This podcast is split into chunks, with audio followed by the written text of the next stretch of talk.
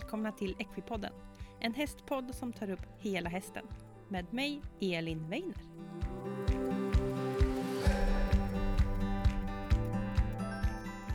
Då var det onsdag och vad är inte bättre än onsdagar än ett rykande färskt avsnitt av Equipodden och nu finns vi i dina lurar igen.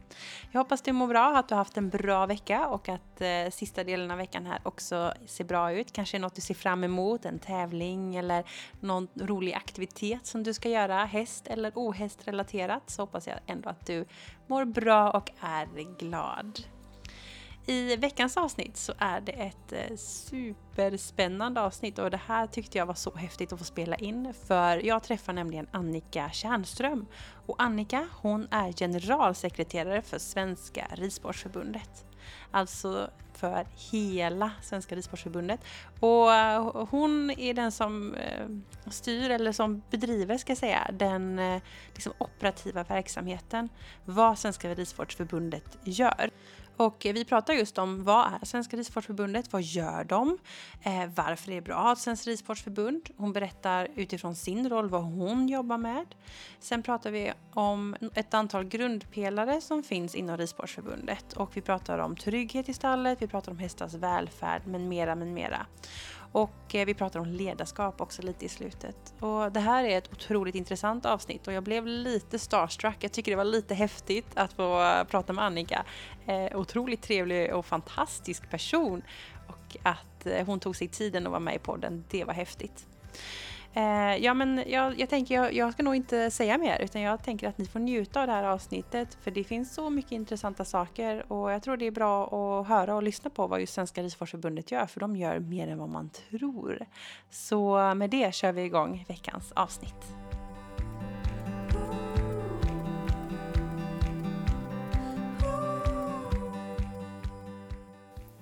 Så, hej! Då vill jag hälsa välkommen Annika Tjärnström. Hej! Hej på dig Elin! Kul att vi får till det. Vi har försökt några gånger men nu sitter vi här och spelar in. Jajamensan, äntligen. Den som väntar på något gott, brukar ja, säga? Precis. Och uh, vi spelar in på distans och det är verkligen distans för du är i Schweiz, eller hur? Ja, jag har landat i Schweiz idag för att vara med och uh, jobba här på EM i fälttävlan. Ah, så spännande! Det ska bli jättekul mm. att följa. Ja, men verkligen. Och ni passar på att titta på SVT Play som sänder. Exakt, och intensiva dagar då kan jag gissa. Mm. Ja, men det blir det absolut. Och imorgon har vi dessutom förbundsstyrelsemöte också, så jag ska ja. hinna, hinna med det också här mellan, mellan det andra jobbet. Ja, och där smög vi in lite på vem du är. För du Annika, du är ju faktiskt generalsekreterare för Svenska Ridsportförbundet. Jajamensan, det är jag. Och, om man ska sammanfatta det så är det egentligen att du är ju ansvarig eller chef för den operativa verksamheten i förbundet, eller hur? Ja, så är det. Min roll kan man likna med en vd-roll i en annan organisation. Mm. Så att jag har ju i min roll som GS, förkortning för generalsekreterare, mm. att verkställa förbundsstyrelsens beslut och att leda, planera och utveckla verksamheten på vårt centrala kansli. Mm. Men det handlar också om att vara våran, vårt ansikte utåt i en rad frågor inom idrotten i relation till andra organisationer, både nationellt och internationellt. Mm, mm. Jättespännande, så jag tror det här kommer bli ett väldigt spännande avsnitt för jag tror att alla vet ju vad Svenska Ridsportförbundet är men man kanske inte vet så noga precis vad förbundet gör. Nej, eh, och eh, du har ju varit där sedan 2017 men mm. eh, jag tänkte vi kunde bara börja med att du kan få berätta lite om vem du är. Ja, det gör jag gärna. Annika Tjärnström som sagt vad heter jag och jag är 48 år, bor idag i Eskilstuna med mina två söner. Har en bakgrund som östgöte, född och uppväxt mm. i Östergötland och sen har jag flyttat runt lite grann innan vi landade i Eskilstuna här 2003. Mm. Jag, om man tittar på hästbakgrunden så började jag på ridskola i Åtvidaberg när jag var sex år och jag hade en syster, eller jag har en äldre syster som också haft häst och varit engagerad eh, alltid så att jag fick möjligheten med stall via henne. Mm. Och även min farmor och farfar som bodde på, eh, på landet och hade gård så att där fanns också möjlighet till att umgås med häst. Mm. Så att först var det ridskola och sen så fick jag min första fodervärdsponny när jag var tio år och sen på den vägen är det. Nu har jag tyvärr ingen egen häst kvar längre här sedan några år tillbaka. Det var inte riktigt möjligt med den livssituation som jag var i med två barn och en lite krasslande, trasslande rygg. Så att jag har fått ah. lägga ridningen på hyllan för min egen del, men får ju väldigt mycket ridsport ja. i mitt jobb såklart. Men också via goda vänner och min syster. Ja, du får ju i alla fall lukta och klappa lite häst då. Ja, och den ja. miljön är ju så fantastisk ja. verkligen. jag tror att det finns ingen miljö som ger mig så mycket både energi och lugn på en mm. gång. Och den tror jag att jag kan dela med många som har upplevt en varm mule eh, mm. eller som har varit i en stallmiljö och höra hästarna stå och tugga hö när man kommer. Så det är ju ja. verkligen fantastiskt. Ja, jag vet inte hur många gånger jag har känt att man har stressat och så kommer man till stallet, parkerar bilen och så här, det måste gå fort idag för jag har så mycket att göra och så kliver man in och så bara så försvann allt. Ja, och så kliver man ut några timmar senare. Ja men verkligen så, det är som en annan tidsrymd ja. när man är i stallet, verkligen. Ja. Det har varit häftigt. många tusen timmar på hästryggen och många tusen timmar i stallet. Så det är jag ja. otroligt tacksam och glad för att jag har haft den möjligheten. Mm, mm. Ja, det, och det är kul att du har kvar det även om man inte kan rida. Så är det ju ja, att ha kvar. Ja, men verkligen så. Underbart. Vad härligt. Och du är då som sagt generalsekreterare. kommer vi in lite grann på vad det är. Eh, men jag tänkte att du kanske först kan få berätta lite om vad Svenska Ridsportförbundet är egentligen och vad ni gör. För jag tror att alla har hört talas om det. Eh, man kanske vet att man eh, behöver ha licens för att tävla, man kanske vet att ens ridskola har något med förbundet att göra. Men yeah. ni gör ju så otroligt mycket. Går det att paketera och att du kan berätta lite vad, vad egentligen förbundet gör? Absolut. Men Svenska Ridsportförbundet är ju en sammanslutning av de föreningar som är medlemmar i förbundet. Så utan våra föreningar så fanns det ju heller inget ridsportförbund så att säga. Mm. Och där har man ju valt att sluta sig samman för att kunna både driva en del frågor som är av föreningsövergripande karaktär. Det kan handla om hästvälfärd eller säkerhet till exempel. Mm. Eh, sen har ju Svenska Ridsportförbundet enligt våra stadgar ett uppdrag att vi ska både främja ridning, körning och hästkunskap. Vi ska verka för god och enhetlig utbildning, både i ridning, körning och voltige. Mm. Mm. Och att verka för, för god hästvälfärd och att hur vi kan få våra ridanläggningar att bli så bra som möjligt. Och också mm. organisera våra tävling, den tävlingsverksamhet som finns i Sverige. Mm. mm. Så att vi gör väldigt mycket både på det lokala planet via våra föreningar, på det regionala planet via våra distrikt och sen nationellt i de frågor som är av nationell karaktär. Mm. Och vi är ju också ett, en organisation som har ett ben i hästnäringen såklart. Men vi är ju också ett av de 72 idrottsförbund som finns i Sverige. Mm. Och i den rollen så är vi också en del då av Riksidrottsförbundet. Mm. Så det handlar ju mycket om för oss eh, i Svenska Ridsporten att samordna frågor, kunna driva frågor, kunna eh, förflytta frågor framåt gemensamt. Och det blir den här att samla hästkrafterna, det är den som är så viktig och som man också har möjlighet då i när man är i ett förbund. Mm. Ja precis, för ibland kan det kännas som att eh, förbundet är lite långt bort och att man kanske inte riktigt vet vad det ger en. Men eh, en kraft är ju verkligen att, att samlas ihop för hästsporten är rätt stor. Ja, men den är mycket större än vad man tror, tänker jag. Mm. Så vi, vi har idag 500 000 som rider Oj. regelbundet i Sverige. Och vi vet också via Novus undersökningar att det är en miljon svenskar ändå, nästan alltså 10 procent som har ett aktivt hästintresse. Mm. Så att ridsporten är jättestor. Mm. Och jag tänker att eh, Svenska Ridsportförbundet är inte längre bort än närmaste förening, för det är verkligen föreningarna som är förbundet. Och ibland när vi pratar om förbundet så är det som att det är vi som jobbar på det centrala kansliet i Strömsholm, men vi ska ju supporta och stötta och göra allt för att våra föreningar ska utvecklas. Det är ju där det, det händer och det är där verksamheten sker. Mm. Sen gör vi såklart vissa saker centralt som inte görs eh, på föreningsnivå, till exempel vår landslagsverksamhet eller kopplat till internationella frågor där vi har påverkansarbete både med vårt europeiska förbund och det internationella förbundet. Mm. Mm. Så att jag vet att det ska kännas att det är nära, även om det är en stor organisation. Men vi är ju 155 000 enskilda medlemmar i Idrottsförbundet. Mm. Det här har potential att bli ännu fler och jag hoppas att det är fler som ska upptäcka att man både kan vara med den gemenskap som det innebär att vara med i en förening, men också kunna vara med och känna en del i de framgångar, till exempel med landslagen, eller att man känner en del av den gemenskap som finns inom, inom ramen för föreningsverksamheten. Mm. Det är ju någonting som ändå svenska ryttare är väldigt bra på. Om man tittar på till exempel Jerringpriset som var för några år sedan. Absolut. Där man verkligen röstade fram. Där yeah. Häst-Sverige verkligen stod upp yeah. Och ringde in.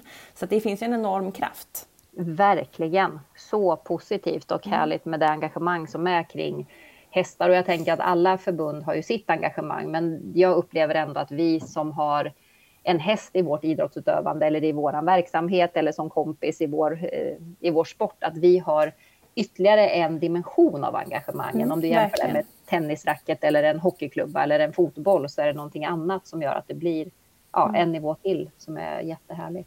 Ja, verkligen. Det är ju ett samspel. Ja, det är det ju. Absolut. Och den kommunikationen är ju helt oslagbar. Ja. Och nu har det varit mycket mästerskap eh, precis här i knutarna. Nu när ja. covid har börjat ge upp så har ju verkligen alla kommit igång både med dressyr och OS och fälttävlan och, och hoppning och, och allt. Ja. Det är ju mycket tävlingar nu. Verkligen. Ja, men det är jättehärligt att se ja. det engagemang som finns. Verkligen. Och då är det också fantastiskt att känna att, att vara med i Ridsportförbundet så kan man också bidra lite och vara med i en del av de satsningarna. Men verkligen. Och att man känner den kraften som finns i ridsporten. Och ju fler vi blir, desto starkare röst kan vi ju tala med, både när det gäller frågor som vi vill påverka i samhället, till exempel anläggningsfrågor eller att bussen ska gå ända fram till stallet eller så. Mm. Att ju mer som sluter upp i förbundet, desto starkare blir ju vi som organisation. Och organisationen är inget annat än de föreningar och de enskilda personer som väljer att engagera sig. Så att jag hoppas att vi kan få fler att känna att det här är viktigt och att vi kan samlas kring viktiga frågor. Mm. Mm. Kan du berätta lite hur det går till med saker och ting? För du nämnde en styrelse och så nämnde du eh, dig som generalsekreterare, funkar lite som en VD.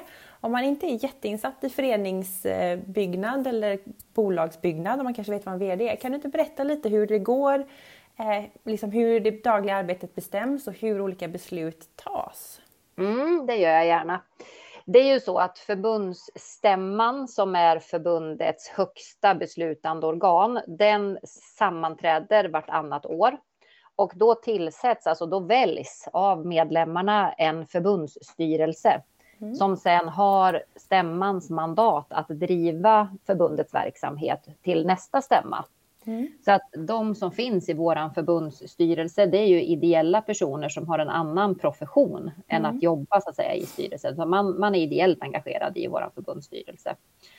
Och eh, vi fick en ganska stor förändring i styrelsen nu från och med maj på den här stämman där 70 procent av ledamöterna byttes ut. Och det mm. kan ju låta som en stor förändring och det är klart att det är en stor förändring men den var ändå planerad. Det var av olika skäl personer som lämnade vår styrelse. Mm. Så inget dramatiskt på det viset, men saker sammanföll och det blev en, en mm. ny styrelse. Mm. Så att nu har precis den här nya styrelsen börjat forma sitt arbete. Och uppdelningen mellan förbundsstyrelsen och vi som jobbar, om jag tar det centrala kansliet nu då, mm. som, som jag leder, då är ju det att de strategiska frågorna och vägvalen ligger på förbundsstyrelsens bord och att sen verkställa dem och bestämma hur vi ska göra det, det. som förbundsstyrelsen vill. Det ligger på mitt bord tillsammans mm. med de nästan 50 personer som är på det centrala kansliet. Otroligt mm. duktiga och kompetenta personer. Mm. Sen är det ju så att eh, ordförande i förbundet, Ulf Brömster, är ju den som leder arbetet i styrelsen och jag är den som leder arbetet på kansliet. Men mm. vi har ju en tät dialog och det är klart att i vissa frågor så stöttar jag Ulf i det strategiska arbetet och i andra frågor så stöttar han mig i det operativa arbetet. Mm. Så det är en växelverkan här emellan oss två som är jättevärdefull och viktig tror jag. Mm. Och att man går verkligen hand i hand i de här frågorna. Mm. mm. Så att i det vardagliga arbetet då ligger det främst på eh, mitt bord tillsammans med mina medarbetare. Och när det gäller de mer långsiktiga frågorna så ligger det på förbundsstyrelsens arbete. Mm. Och jag kan passa på att säga det också här att förbundsstämman då, alltså när vi har eh, stämma med föreningar och distrikt, då fattar de också beslut om en verksamhetsinriktning.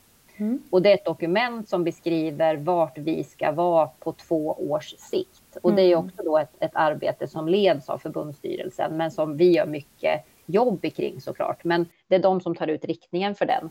Mm. Sen bryts de här tvååriga målen ner till ettåriga planer som sen omsätts i verksamheten.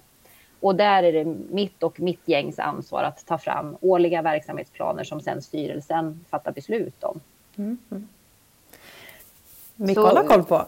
ja, men, ja, men lite så. Jag hoppas att det ändå blev tydligt. För att ja, det är en, en komplex organisation utifrån det här, det ideella och det vi som är anställda och vi har eh, det, det kommersiella och vi har det ideella också. Tittar man tittar på engagemang i, i ja. ridsporten. Så det är flera olika parametrar, så är det verkligen. Verkligen, men eh, ändå liksom att det är en styrelse som tar beslut om hur ska vi arbeta framåt, vad har vi våra mål och så är det ni som ser till att komma dit helt enkelt. Ja, och man kan till och med säga det så att styrelsen bestämmer vad som ska göras mm. och vi bestämmer hur det ska mm. göras så att vi kan leverera resultat utifrån vad styrelsen vill se ska hända. Just det. Och så det är ju styrelsen som också tillsätter och avsätter mig i min roll om det ja. skulle vara så. Om du inte som, sköter dig. ja, men så är det ju absolut. Och det är ju som en vanlig vd-roll. Det ser likadant ut i ett företag också. Att man, yeah. Det är förbundsstyrelsen eller eh, styr, bolagsstyrelsen som tillsätter och avsätter vd. Precis. Och så även i det här fallet. Mm. Och du har ju fått vara ett tag nu, så det är ju väldigt roligt och det går ju väldigt bra. Ja, svensk ridsport blomstrar vad gäller Verkligen. många parametrar, så det är jättehärligt. Och den kraften som finns i föreningen, det är ju liksom återigen, jag vill verkligen understryka det, för vi hade ett exempel när vi diskuterade i förbundsstyrelsen om det här, att om förbundsstyrelsen lägger sig 40 timmar i veckan, en arbetsvecka, på att ta ut den strategiska inriktningen och jobba med de frågorna, Sen om vi då, då var vi 40 anställda, så ser vi 40 anställda gånger 40 mm. timmar, men då är det 1600 timmar per vecka. Mm. Men årligen så läggs ideellt engagemang i våra föreningar. Om man räknar om det till en medellön i Sverige så skulle det motsvara 900 miljoner kronor. Oj. Så det är ju enormt mycket resurser som vi alla lägger ideellt i våra föreningar och det, är, det är den kraften som, som gör att det blir skillnad. Vi ska ju skapa förutsättningar för det här på en central nivå och förbundsstyrelsen har örat mot stallbacken och lyssnar in och så ska de driva frågor. Men mm. återigen, det som görs, görs av våra föreningar och i våra föreningar. Jag tänkte jag skulle hoppa på där och fråga lite grann eh, om man är en enskild ryttare, man kanske har egna hästar och tävlar eh, eller om man kanske rider på ridskola. Hur kan man som enskild person känna att man påverkar arbetet i Ridsportförbundet? Vilka vägar och kanaler har man att ta till? Den viktigaste kanalen är att man kan lämna in en eh, motion till förbundsstämman. Det kan man mm. göra både som privatperson och som förening. Mm. Så där finns det ju en direktkontakt till det högsta beslutande organet som vi ju alla består av så att säga när man är medlem i en förening. Ja. Så det är den viktigaste delen att påverka. Sen finns det flera andra sätt att påverka. Till exempel så, vi kanske kommer tillbaka till det sen, men vårt tävlingsreglemente Mm. Där har ju alla möjlighet att komma med inspel för att det går ut en allmän remiss och vi har ju 24 000 licensierade ryttare som mm. bland annat som kan komma tillbaka med synpunkter. Så att vi har flera kanaler och vägar in för påverkan. Mm. mm. Det gäller att hitta dem och se dem. Ja, nej, men det gör ju verkligen det. Och så tänka att en god idé, den, liksom, den behöver man ta vidare så att den inte den fastnar i någon byrålåda någonstans, utan att både jobba med det på föreningsnivå till den, förbund, eller till den föreningsstyrelsen, men också på distriktsnivå till mm. distriktsstyrelsen och sen till det nationella centrala arbetet. Ja, det är ju lätt att det blir att man har en tanke och en idé och så tar man inte riktigt tag i det. Så ni som Nej. lyssnar som har en idé, ta tag i det och hör av er till förbundet och ja, men verkligen. motion. Ja men precis så så kan det hända något spännande. Jajamensan. Ah. Och jag vill passa på också Elin, bara, jag mm. nämnde det här med våra distrikt också, att vi mm. har ju en, en regional organisation. Alltså vi har ju ett centralt förbundskansli, sen har vi våra 900 föreningar. Nu är det lite färre, det är ju en dagsaktuell siffra, men vi ja. ungefär 900. Och sen finns det också 19 distrikt i Sverige som också stöttar våra föreningar i den verksamheten och tävlingsverksamhet på regional nivå. Mm. Så det finns liksom som tre olika delar i Svenska Ridsportförbundet där föreningarna är basen och grunden för att vi finns och så finns det regional stödorganisation och så finns vi nationellt också som en stödorganisation. Precis. Och det, tävlar man så har man ju koll i alla fall på det för då brukar man ju skriva in vilket distrikt man vill hitta tävlingar i. Ja men precis, exakt så. Eh, ja, jätteintressant att höra organisationens uppbyggnad och det är kul att höra att den ändå är så transparent och att det är så enkelt egentligen för medlemmar att faktiskt också komma till tals och påverka. Att den yeah. är så rotgrundad. Det är väldigt kul yeah. att höra. Ja, yeah. och jag vill också slå ett slag för vår valberedning, för det är ju mm. också så att förbundsstyrelsen väljer sen hur de vill organisera sitt arbete. Och den här förbundsstyrelsen och den förra har valt att ha tre sektioner en ungdomssektion, en, en sektion som jobbar med tävling, tävlingssektionen och en ridskola och utbildningssektion. Så yeah. de tre sektionerna. Och då kan man ta en kontakt med valberedningen för att lämna förslag på namn som sen då kan bli invalda i de här sek sektionerna. Och där kan man också vara med och påverka väldigt mycket. Just det. Så att det är också en sån. Och så har vi kommittéer inom tävlingssidan, en för varje gren. Och det mm. finns en rad undergrupperingar också inom om jag tar sporten som exempel. Så det finns flera olika nivåer som man kan engagera sig på mm. och påverka. Ja, verkligen. Och just att man kan gå in i det som man själv brinner för. Ja. Eh, om det är något i tävling eller om man brinner för ungdomsverksamhet eller eh, ja. utbildning så kan man ju välja lite vad man vill engagera sig om man vill det. Ja, precis så. Eh, jag hade en fråga som vi kanske skulle tagit lite tidigare men eh, jag hade velat höra hur det är så att just du hamnade där du är idag. Vad har du för bakgrund och vad har, behöver man kunna för att bli generalsekreterare för ett så här stort förbund? Mm. Min bakgrund kan väl sammanfattas med att jag läste personal och arbetslivsprogrammet i Linköpings universitet 94 till 98. Mm. Därefter så jobbade jag med HR, alltså Human Resources, personalfrågor fram till 2006. Lite olika roller, både som generalist, alltså som stöd till verksamhetschefer i breda personalfrågor, alltifrån arbetsmiljö till rekrytering till arbetsrätt, kompetensförsörjning, mm. till att också jobba som specialist med arbetsrätt och lönebildning. Sen hade jag förmånen när jag jobbade i Eskilstuna kommun att få gå en ganska omfattande chefsutbildning som heter Framtidens ledare. Där mm. man, väljer, man, väljer, man får söka och så väljs man ut till en ett och ett halvt år lång liksom, förberedande chefsutbildning. Eh, mm. Och efter den så var jag erbjuden ett jobb att bli chef då för den avdelning som jag själv tillhörde.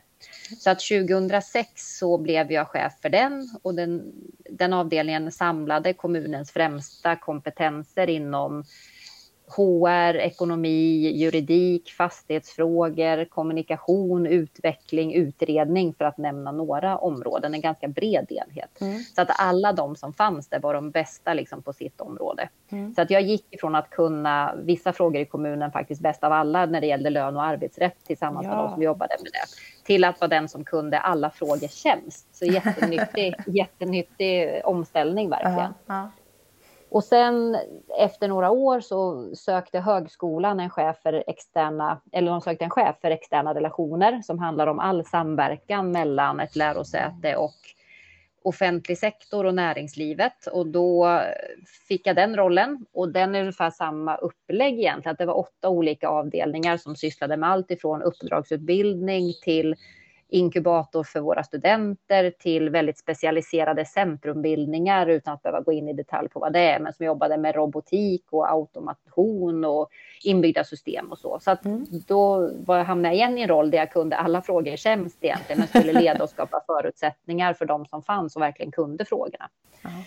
Och sen hade jag gjort det i några år och då fick jag frågan och sökte en roll som HR-direktör i Eskilstuna kommun. Mm. Så där var jag innan jag fick den här rollen och sen vart jag lite påhejad och uppmanad att söka den här och tänkte att det här lät ju jättespännande. Ah. Och ska jag vara helt ärlig så hade inte jag alls så stor koll på egentligen vad ett, alltså vad ett förbund gjorde på nationell nivå. För jag har varit engagerad i förening och jag, ja, jag har suttit i tävlingssektion och varit lagledare för ja, allsvenska lag och så vidare. Men den här kopplingen liksom till det centrala förbundet hade jag inte så bra koll på. Mm. Men sökte och fick den här rollen då utifrån de professionella meriter som jag har med mig i kombination med att jag har levt med häst i hela mitt liv i princip och en stor passion som fortfarande finns hos mig. Mm. Så att den kombinationen gjorde att jag sedan fyra år tillbaka har den här rollen som generalsekreterare. Mm. Spännande. Ja, det är ett väldigt mångfacetterat uppdrag. En väldigt gedigen bakgrund. Ja, men jag har gjort, fått göra många roliga saker, så uh -huh. är det verkligen. Och haft möjligheten också att få mm, jobba med ledarskap på ett sätt som jag verkligen gillar. Att man inte är den som har svar på alla frågor, utan det finns de som kan saker så otroligt mycket bättre än vad man kan. Och det handlar om att få ut den kraften. Och det är likadant hos oss idag, att vi har otroligt mycket duktiga medarbetare som kan allt ifrån TR-frågor till ridskoleverksamhet till miljöfrågor till eh, dressyr och hoppning liksom så på elitnivå som jag inte är i närheten av att kunna. Men det är inte mitt jobb, utan mitt jobb handlar om att få ihop helheten och skapa förutsättningar för dem att göra sitt jobb egentligen. Ja, det tror jag är en väldigt viktig insikt och väldigt fint att du säger det, att man även om man ska vara ledare på något sätt så kan man inte kunna allt. Och att ta tillvara på andras kompetenser är jätteviktigt för att få en bra organisation. Men jag tänker det vore ju nästan förmätet att tro att jag skulle vara den som kan frågorna bäst liksom, i alla mm. delar när vi håller på med allt ifrån ja, men som sagt var djurskydd till tävlingsverksamhet till ja. utbildningsfrågor. Liksom det, jag tror att då, då skulle man gå snett i det här, utan jag känner mig väldigt trygg med att jag eh, har ett gäng omkring mig som kan frågorna och mitt jobb återigen är att skapa ramar men också skapa handlingskraft, att skapa förutsättningar för att vi har en bra verksamhet. Mm. Och såklart svara upp mot styrelsen och de krav som de ställer på oss. Där är ju mitt ansvar att se till att vi levererar till Just dem. Mm. Ja, superintressant. Så, så är det.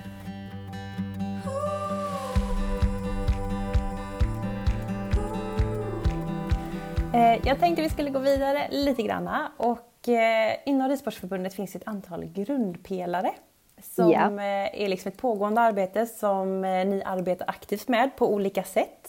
Och eh, jag har valt ut några som jag tänkte vi kunde fördjupa oss lite i och en av dem som jag skulle vilja prata om det är trygghet. Eh, så kan inte du berätta lite vad innebär grundpelaren när det kommer till trygghet och hur arbetar ni med det? Ja, eh, men trygghet är ju en oerhört viktig fråga och jag tänker att stallet är i grund och botten en positiv miljö där de flesta mår bra, och känner en fin gemenskap. Men det innebär samtidigt inte att vare sig ridskolan eller stallet eller föreningen är immun mot att barn och unga eller vuxna blir utsatta för både mobbing och trakasserier, hot och våld och övergrepp. Mm. Och det här är ett allvarligt samhällsproblem som ju faktiskt förekommer på alla platser där vi människor befinner oss. Ja. Men det vi vet är också att det går att minska det här genom att ha riktade både främjande och förebyggande insatser. Och det är någonting som Svenska Ridsportförbundet har lagt mycket resurser på över tid. Och samtalen om trygghet har pågått länge och sedan 2015 så skulle jag vilja lyfta ett initiativ som är gjort och det är ju Trygg i stallet som mm. våran ungdomssektion har jobbat med. Mm. Och det är ju så att det finns en verktygslåda som skickas ut till alla eh, föreningar. Det finns tips, fakta, verktyg som berör frågor som handlar om trygghet och trivsel och lika behandling, och, men också tuffare frågor som handlar om sexuella trakasserier och övergrepp. Mm. Och det här är också då anpassat efter ålder så att man både kan ha det till barn och ungdomar, unga vuxna och vuxna. Mm.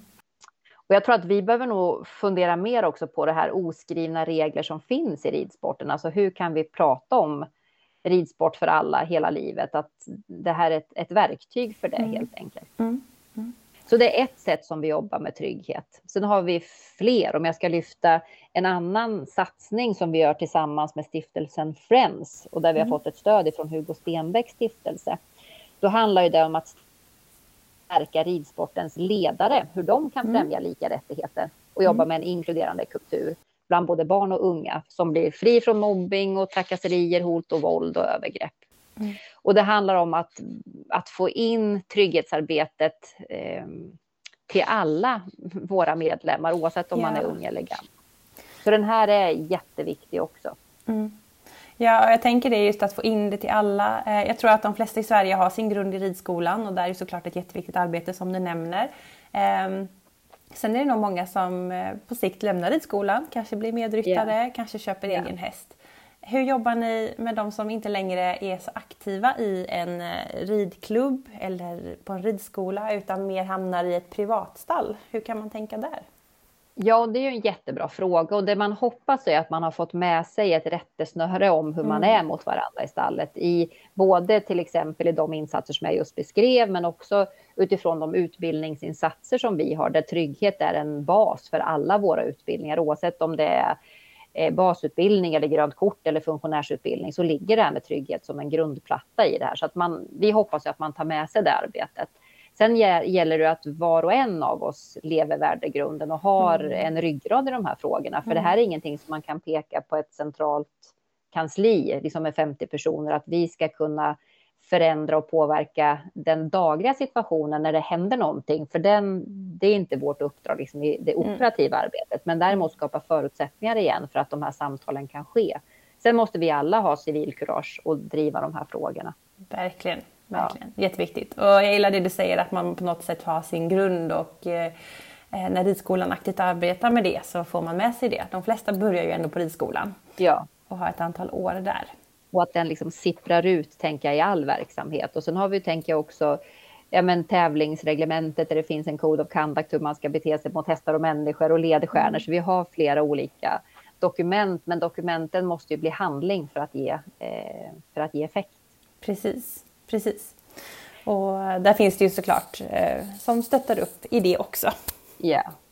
Jag kan bara passa på att nämna också, för i och med mm. att vi är en, en idrott där också många arbetar, så har vi mm. haft ett samarbete sedan några år tillbaka inom hästnäringen och då är det alla organisationer inom hästnäringen. Det kan vara hästnäringens nationella stiftelse och det är trav och galoppen till exempel. Ihop med arbetstagarorganisationer och arbetsgivarorganisationer så finns ett initiativ som heter Schysst stall. Mm. Och det är en insats för att skapa en nolltolerans mot sexuella trakasserier i hästnäringen. Och det här är också en jätteviktig del, eller en viktig del i vårt arbete, att man som arbetsgivare tar sitt ansvar och att man som arbetstagare vet vilka verktyg man kan ta till, både för att förebygga och för att förhindra att någonting händer och hur man gör om det som inte ska hända trots allt ändå händer. Mm. Så det här är också ett viktigt sånt samarbete där vi gemensamt behöver titta på hästnäringen i stort och inte bara ridsport. Just det. Är det till Svenska Ridsportförbundet man vänder sig också om man är anställd eh, och jobbar inom häst och inte har så bra villkor? Är det till er man vänder sig då också? Nej, men då vänder man sig till sin föreningsstyrelse. Sen är det ju en facklig fråga mer än att mm. man vänder sig till oss. Vi har ju inte den möjligheten liksom centralt, så, utan det här är ju om man inte är nöjd med sina villkor på en enskild ridskola, då tar man det med den arbetsgivaren som man har och då är det föreningsstyrelsen mm. för det mesta. Mm. Och sen finns det också en facklig organisation som man kan lyfta ja. den här frågan. Mm. Jättebra, då är det bra att man har koll. Ja, nej men precis. Det ska man ha. Det ska man ha. Ehm, jag tänker också trygghet, eh, vi har pratat mycket mot eh, människor men även kanske mot häst och yeah. då tänker jag säkerhet eh, såklart. Yeah. Här finns det ju såklart massor att göra. Hästar är djur, fantastiska, men och flyktdjur och allt kan ju hända. Yeah. Hur jobbar ni lite med den typen av säkerhet? Det är ju också en grundbult som vi var inne på tidigare och det ligger också som ett arbetssätt och en del i utbildningar så att man alltid har med det här med säkerhetsfrågorna. Och vi har också ett säkerhetsutskott, mm. ett ideellt organ som också då finns eh, i den här centrala organisationen av förtroendevalda som jobbar med säkerhetsfrågor och det kan handla allt ifrån hjälmar men också hästhantering. Mm. Eh, vi har också ett hästvälfärdsråd som är inrättat av förbundsstyrelsen. Och den, den ligger ju nära säkerhetsfrågorna för det handlar mycket om att ha kompetens och kunnande om varför hästar reagerar som de gör och hur man mm. kan förebygga det som, så att det inte händer det som inte ska hända. Mm. Mm. Så det är kompetens och kunskap är en jätteviktig fråga när det gäller säkerhetsarbetet. Mm. Precis. Och även där så, såklart TR, att man behöver ha hjälm och eh, är man yngre behöver man ha väst eh, på tävling och sådär. Ja, precis. Också en del såklart i arbetet. Ja. Eh, och jag, tänker att, ja, jag tänker också att, eh, att vi som håller på med hästar måste verkligen tänka på att kunna både förklara och försvara hur vi hanterar våra hästar för de som inte kan häst. Mm. Och står man utifrån och tittar in så måste man tycka att det vi gör är okej. Okay. Mm. Den här sociala licensen och den, den kommer vi behöva jobba än mer med framåt. Det finns ju djurrättsaktivism som har kritiserat vissa branscher och här finns det indikationer på att ridsporten och hästnäringen skulle kunna vara en kommande organisation som man har synpunkter kring. Mm. Och på EM för två år sedan i Rotterdam så kom det in eh, personer på banan under pågående tävling, vilket ju är farligt både för hästar och människor. Verkligen. Vi behöver verkligen tillsammans även här hjälpa till att eh, vara noga med hur vi hanterar våra hästar och kunna förklara varför vi gör saker. Just det. Och då kommer vi in lite grann på nästa grundpelare jag tänkte vi skulle ta upp som handlar just om hästarnas välfärd. Eh, och den är ju otroligt viktig. Vi är ju alltid ett samspel med häst. Alltså en eh, ryttare utan häst funkar ju inte heller ridsport utan Nej, häst. det blir svårt. Ja, det så. Eh, så kan du inte berätta lite om eh, vilka delar av hästens välfärd som ni jobbar mycket med just nu som ni tycker är viktigt och hur ni gör det arbetet? Ja. Nej, men jag tänker att som du precis är inne på att hästvälfärd sker på många olika sätt. Och en del, om vi tittar på tävlingssidan, så har ju vi 600 överdomare som faktiskt är den förlängda armen när det gäller hästvälfärdsfrågor ute på den enskilda tävlingsplatsen. Mm. Och där reglerar ju TR också vad vi kan och inte kan göra med hästarna i, i tävlingsmomentet. Sen det jag nämnde innan att vi har ett hästvälfärdsråd som har också fastställt hur vi ska jobba med vad hästvälfärd är för någonting. För det finns ju en del forskning kring det här. Mm. Mm. Så att det som står precis för dörren nu det är att förbundsstyrelsen och eh, distrikten och vi på det centrala kansliet ska få en utbildning kopplat till hästens välfärd. Och då handlar det om allt ifrån nutrition, miljö, beteende, hälsa och känslomässig välfärd. Och det är en mm. etablerad definition som finns där med Mellor som har fastställt den här. Mm. Och där kommer då den här genom, eller utbildningen att genomföras och parallellt med att den genomförs så kommer det också ske en översyn faktiskt av samtligt utbildningsmaterial och informationsmaterial som har en koppling till hästvälfärdsområdet. Och det är att titta, har vårt material de här aspekterna med sig så att vi kan stå för dem utifrån den definition som är fastslagen för hästvälfärd. Mm, mm. Och sen när det är gjort så ska vi titta på, att, ja, men okej, hur tar vi det här arbetet framåt nu i revideringsarbetet? Mm.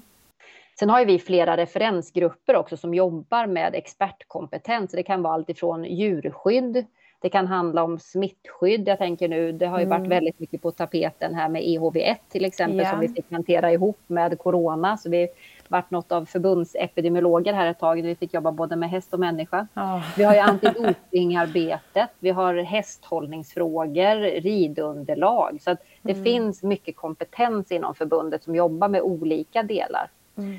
Sen vill jag också passa på att nämna den besöksverksamhet som finns. Och besöksverksamhet innebär att distrikten har kompetenta personer som ger stöd i föreningarnas arbete för att upprätthålla en god hästhållning. Mm. Och gör som en besiktning kan man kalla det för, där man får tips och råd om vad man borde skruva på för att det ska bli än mera eh, både häst och människo, människovänligt. Mm, mm. Och vi har också en kvalitetsmärkning som man kan få, som det finns vissa kriterier man ska uppnå innan man kan få den, så att man kan sträva mot att jobba med de här frågorna på ett systematiskt sätt. Mm, mm.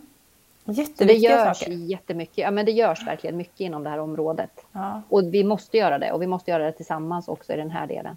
Ja, och det blir ju, du, nämner, du nämner underlag, näring, utrustning, alltså massa saker och det är det som är det lite komplexa. Alla vet ju att eh, vi människor är jättekomplexa. Eh. Har man eh, känt sig själv bara över en månad så händer det väldigt mycket i kroppen. Verkligen. Och hästar är ju minst lika komplexa. Så desto mer vi forskar, desto mer lär vi oss och desto bättre kan det bli. Ja, verkligen. Men det är intressant att höra hur arbetet går just nu och det låter verkligen som att ni är mitt i det här arbetet med att uh, göra lite reform nästan. Ja, sen har hästens välfärd alltid varit en viktig fråga, för utan häst så har vi ingen ridsport som vi var inne på. Det är verkligen så. Och utan att samhället runt omkring tycker att det är okej okay, så har vi heller ingen ridsport. Så det här är verkligen en, en grundförutsättning för att vi ska kunna hålla på med det som vi gör faktiskt. Mm. Eh, och att våran eh, tränings och tävlingskompis mår på allra bästa sätt. Precis. Och det är ett ansvar vi har. Mm. Och, och, en av de sakerna som ingår här det är ju TR som vi har varit inne och nämnt på, tävlingsregementet. Och yeah. eh, den är ju ganska omfattande och det finns ju allmän del och så finns det ju för de olika grenarna eh, som yeah. vi tävlar i. Och där finns ju allt vad man får göra och inte får göra. Eller framförallt yeah. det man inte får kanske. yeah. Ja, men det är en sammanställning av regel, ett regelverk, precis så. Precis. Och du var inne lite på att, man kan, att den går ut på remiss och den revideras eh, en gång per år, är det va? Den revideras vartannat år. Annat det år, finns ja. ett, eh, ett tvåårshjul i det här. Mm. Mm. Så det och finns en process för det arbetet. Precis, och att man där då kan ha möjlighet att eh, påverka Eh, när jag sa att jag skulle intervjua dig så fick jag lite lyssnarfrågor och några av frågorna kom in just angående TR och att eh, Eh, ibland kan det kännas som att det tar väldigt lång tid för förändring och att eh, vissa saker som några personer kan tycka är väldigt viktigt för välfärd, exempelvis att man kan tävla bettlöst i dressyr och att man tycker att den förändringen tar ganska lång tid. Kan yeah. du inte berätta lite om tankar kring TR-arbetet och eh, att man kan uppleva att det tar lite tid? Ja. Yeah.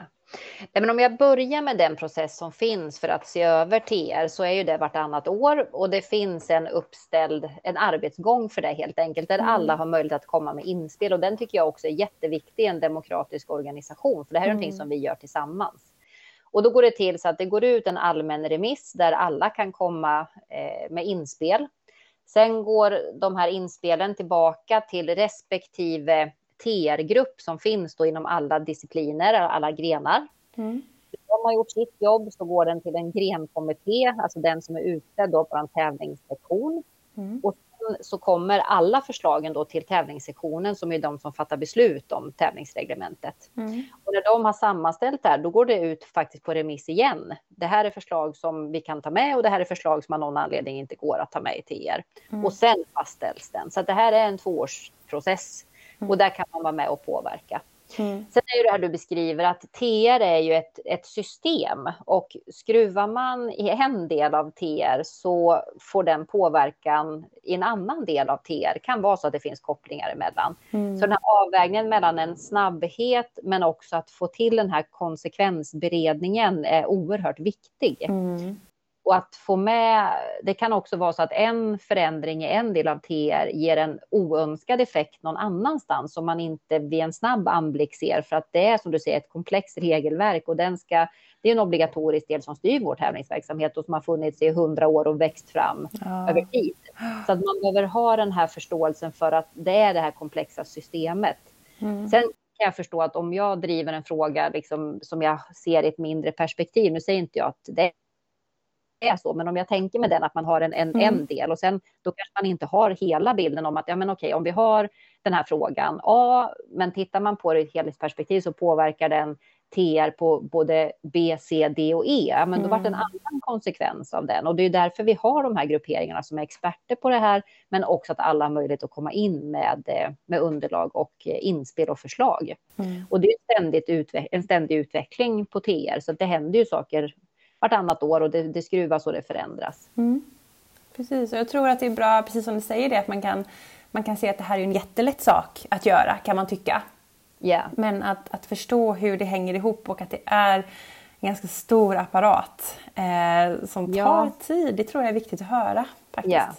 Och jag tror också att ibland så upplever man att just min fråga, den kan jag på djupet mm, och jag ser liksom den smala, smala spring, liksom skärvan. Men mm. den, eller pusselbiten kanske jag ska kalla det för, men den pusselbiten får ett annat mönster när den läggs ihop med alla andra pusselbitar. Och tar man bort en pusselbit, ja men då får det konsekvenser för resten av pusslet. Så att man måste mm. se liksom sin del i sin helhet. Sen tycker jag det är jättehärligt att man har sina hjärtefrågor som man driver och det är ju det som en demokratisk organisation finns till för att man ska yeah. kunna komma in med sitt. Men återigen, det är viktigt att man har med sig det här helhets, eh, helhetsbedömningen. Mm. Och jag tänker lite också att ibland kan det vara lätt att sitta hemma och tycka någonting eller skriva på sig sociala medier eller vad som helst.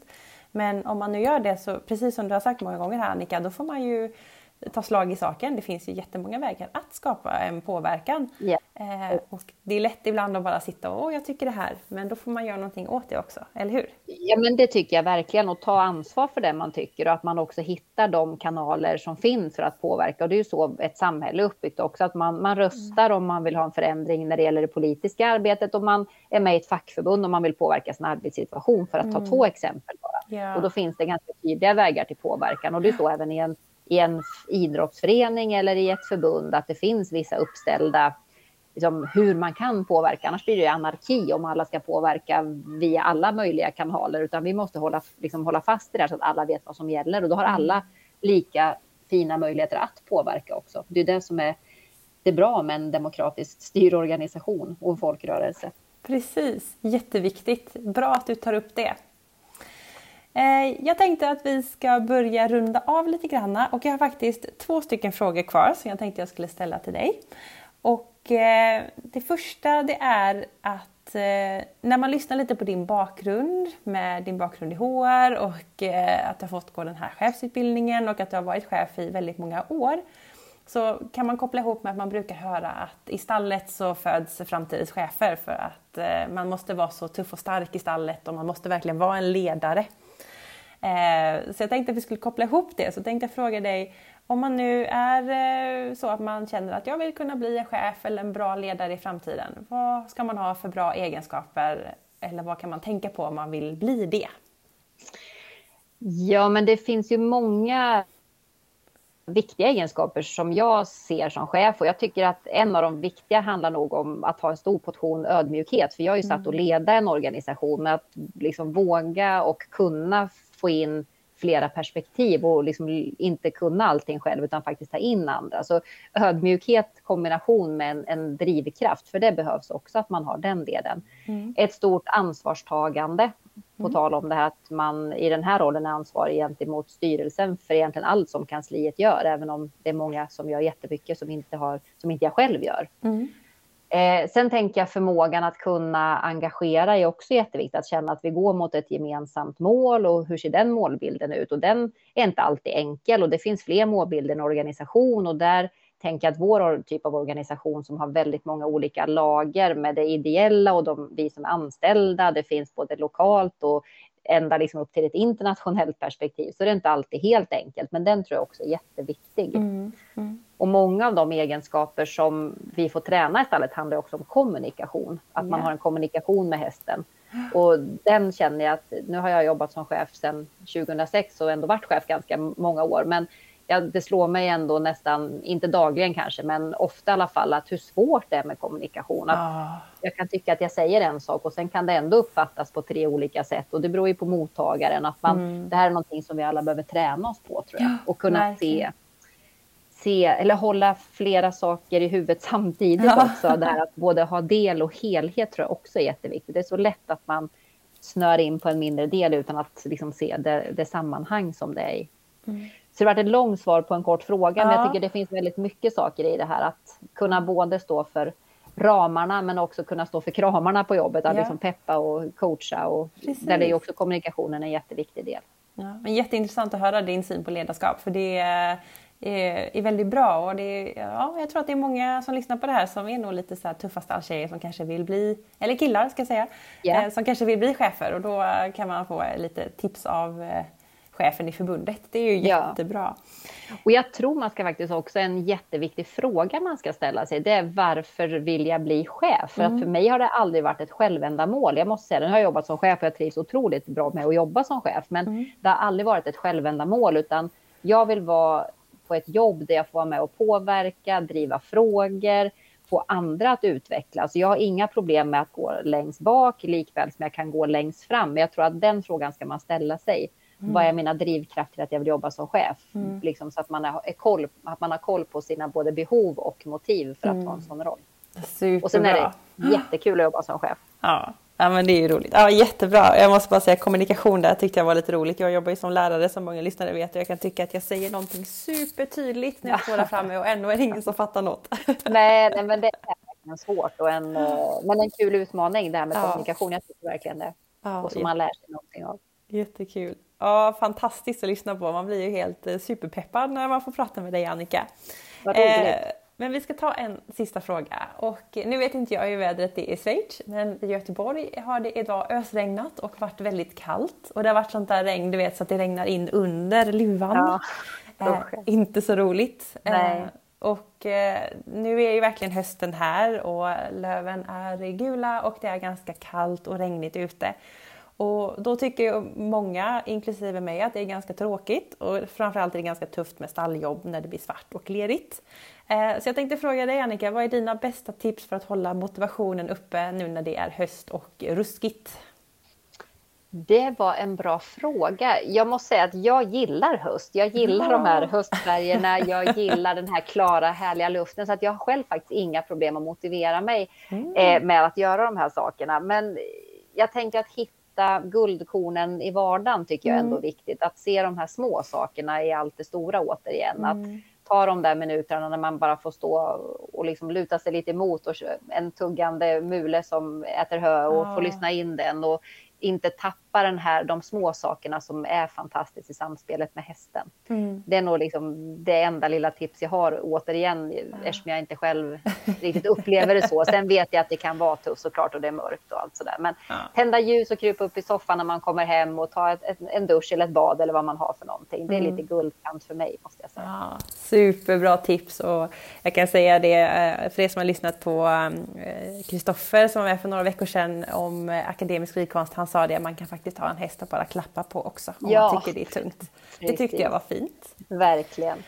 Eh, men då så Annika, då har vi fått med massa bra saker och jättekul och intressant att höra hur förbundet egentligen arbetar för det kan vara lite svårt att få överblick men eh, nu tror jag verkligen vi har fått med det så jag hoppas att alla lyssnare också känner att eh, man har lite mer förståelse för vad Svenska Ridsportsförbundet gör. Eh, och är det så att man vill läsa mer eller komma i kontakt med någon, eh, vart vänder man sig då? Vi har en mycket informativ hemsida så att om man börjar där så får man ingångar och både med telefonnummer beroende på vilken fråga det gäller. Så man är varmt välkommen att ta en kontakt och jag hoppas att det är någon som sitter och funderar på att ska jag bli medlem eller inte som tar chansen nu att bli medlem och påverka svensk ridsports framtid, vara en del av de framgångar som finns och också bygga framtiden genom vår utbildning och ridskoleverksamhet och säkra hästens välfärd. Så ta mm. chansen att bli medlem i en förening och gör din röst hörd. Ja, fantastiskt. Eh, och hemsidan är ju ridsport.se, eller hur? Jajamensan, det är Enkelt det. och lätt att hitta på. Jag tror inte någon har missat, men ändå, det är bra att säga. Vi gör det en gång till, slår ja. ett slag för den. Precis. Men då så Annika, tack så jättemycket för att du ville vara med i Equipodden. Då tackar jag för dig Elin.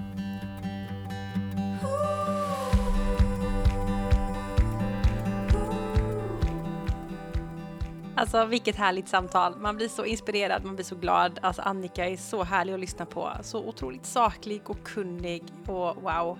Eh, jag känner mig fullt jätteinspirerad efter det här avsnittet. Jag hoppas du också känner dig inspirerad och att du kanske lärt dig lite grann om vad Svenska Ridsportförbundet gör. Jag visste inte så mycket som jag vet nu så jag är väldigt glad att jag kan få eh, driva den här podden och lära mig mer för jag älskar att lära mig eh, saker. Eh, som sagt, kolla in på Svensk Ridsports hemsida, eh, ridsport.se, för där finns det massor med information och om man vill engagera sig så är det där man ska gå tillväga. Och eh, jag kan också passa på att tipsa om att följa Equipodden på sociala medier. Då är det Facebook och Instagram som jag brukar tjata om. Och eh, där är ju faktiskt du med och påverkar innehållet i podden, så missa inte det. Det kanske är något som du verkligen vill eh, höra mer om så kan jag eh, hitta något bra och göra ett bra avsnitt om det. Nästa vecka kommer det handla om hästars beteende när eh, jag intervjuar en eh, hästetolog som forskar på SLU. Det kommer bli spännande, så missa inte det. Och eh, ja, jag önskar er som vanligt en fantastisk vecka så hörs vi snart igen. Hej då!